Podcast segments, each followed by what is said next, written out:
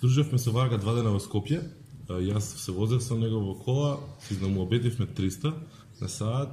Вчера помина Хитив Digital, уште едно ненормално добро издание на Хитив Digital, трето поред. Фала ви Escape за тоа што не го преведувате.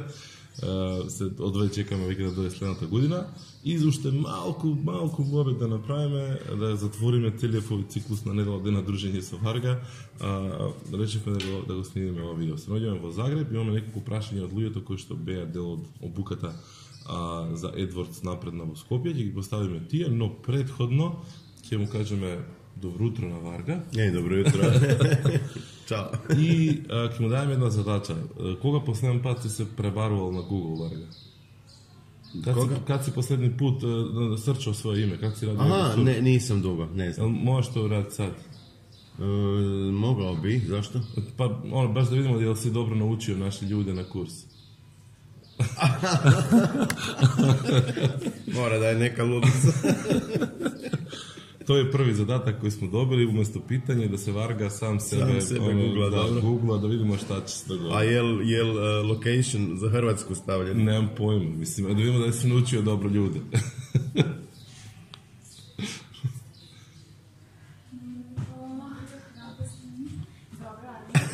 Hvala ti za seminar. e, ne znam jel se vidi. Hvala ti za seminar u Skopju. E, da, pozdrav, to ti je pozdrav od Jovana. Hvala. Uh, ajmo na kratko samo. Dosta si pričao, dosta smo pričali, Daniel je već uh, uradio neki post, a ono što je ono kao, pored, pored njega najbitnije uh, što smo pričali. Uh, imam samo nekoliko par pitanja, uh, od, dobili smo pitanje od Darijana, od Maja, od Biljane. Uh, pa nešto da povtorimo na kratko za AdWords i, i neke tips and tricks. Daily routine, daily monitoring, šta je bitno svaki dan da jedan Google AdWords ekspert ono obavezno uradi? Svaki dan mora pogledati search term report, odnosno za šta su moji oglasi bili prikazivani ili plaćani. Ako nije ili je dobro, odmah se gradi e, dalje kampanja ili se ekskluda u negativno.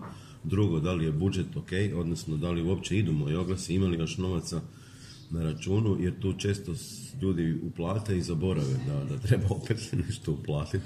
I treća stvar koja mislim da je isto jako bitna, to su trendovi. Znači, da li moj quality score ide dalje bolji nego što je bio, da li ide prema gore, prema dole, dalje isto. E, treba paziti uvijek na to zato što postoje i sezonalnosti i nova konkurencija i promjene kod Googleovog algoritma. I ako ne pratiš svaki dan e, search term report, ako ne pratiš svaki dan trendove i budžet, onda si vjerojatno u problemu, prije ili kasnije.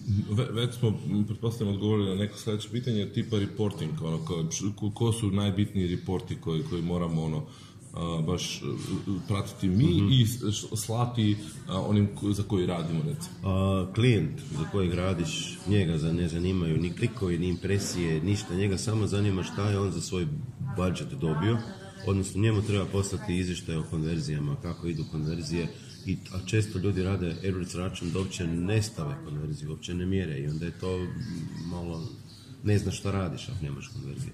Ono što mislim da je za, za tvog klijenta najvažnije, koliko sam imao onoga zbog čega u stvari ja tebe plaćam, koliko je bilo konverzija. Ako toga nema, onda je, pa nekad je dobro mu reći koliki je bio e, broj e, impressiona, odnosno broj klikova, ali to nisu, od klikova živi samo Google, ne, ni, ni mi, ni, ni klijent, nego samo Google ima, je sretan kad ima klika.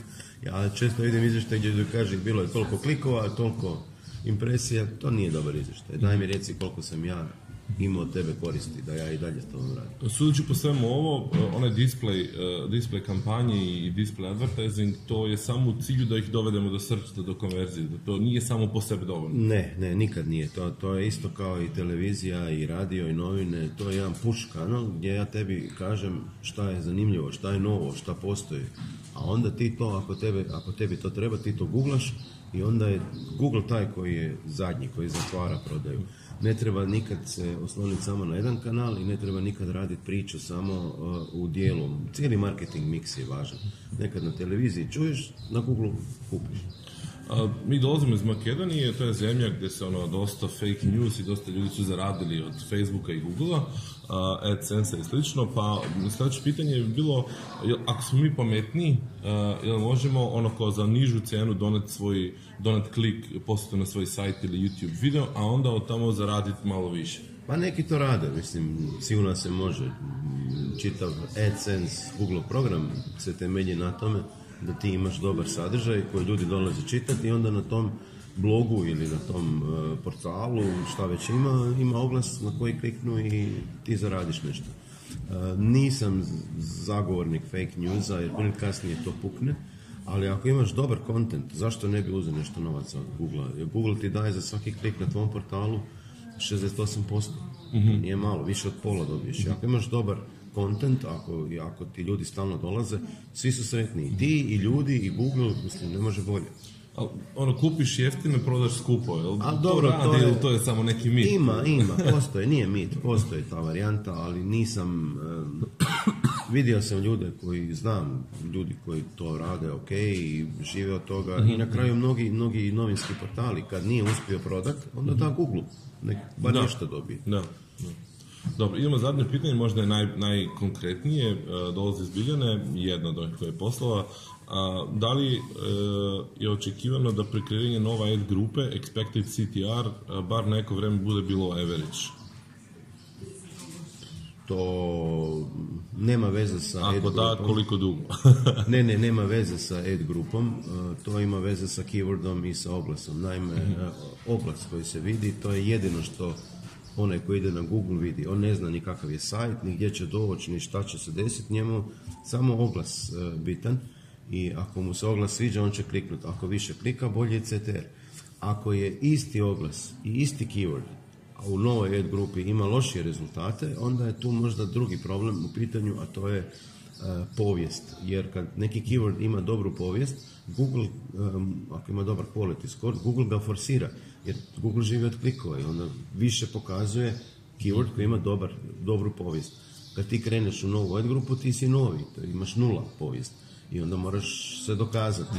E, nakon nekog vremena se to desi, ali ne smije biti tu radikalna promjena, jer ne može biti, ne znam, CTR 10% i sad ti je 0,1, to ne može. Može biti 10 pa sad krene sa 2-3%, ali zato što je tek bilo 2-3 klikova, on će uhvatiti taj ritam na, na temelju uzorka. Nije, nije tu vrijeme ključ, nego je broj klikova bitan. Jučer se dosta pričalo o machine learningu i artificial Mhm. intelligence na, na Hititu. Uh, jel ima neki ono kao jednu rečenicu rješenje šta ćemo s machine learningom? iskoristiti. Ne treba reći jedna riječ, do, iskoristiti maksimum. E, to je dobra stvar, mislim, mislim da je to ista, ista priča kao kad su se ljudi bojali automobila ili ne znam, aviona, pa e, je, to je novo, to je nešto što donosi neke, ne- neke promjene u načinu razmišljanja, pristupu poslu, ali ja sam siguran da se može iskoristiti. Na kraju jučer smo i pokazali mi kako to koristimo i nama je super. Наравно, Варга, Варга сега ќе оди на ново предавање, пошто нормално не застанува, нема шанси да, да застане. И му се заблагодарим уште еднаш за одвоенето време и видимо се следеќи пут Скопје. Па така? видимо се што прие.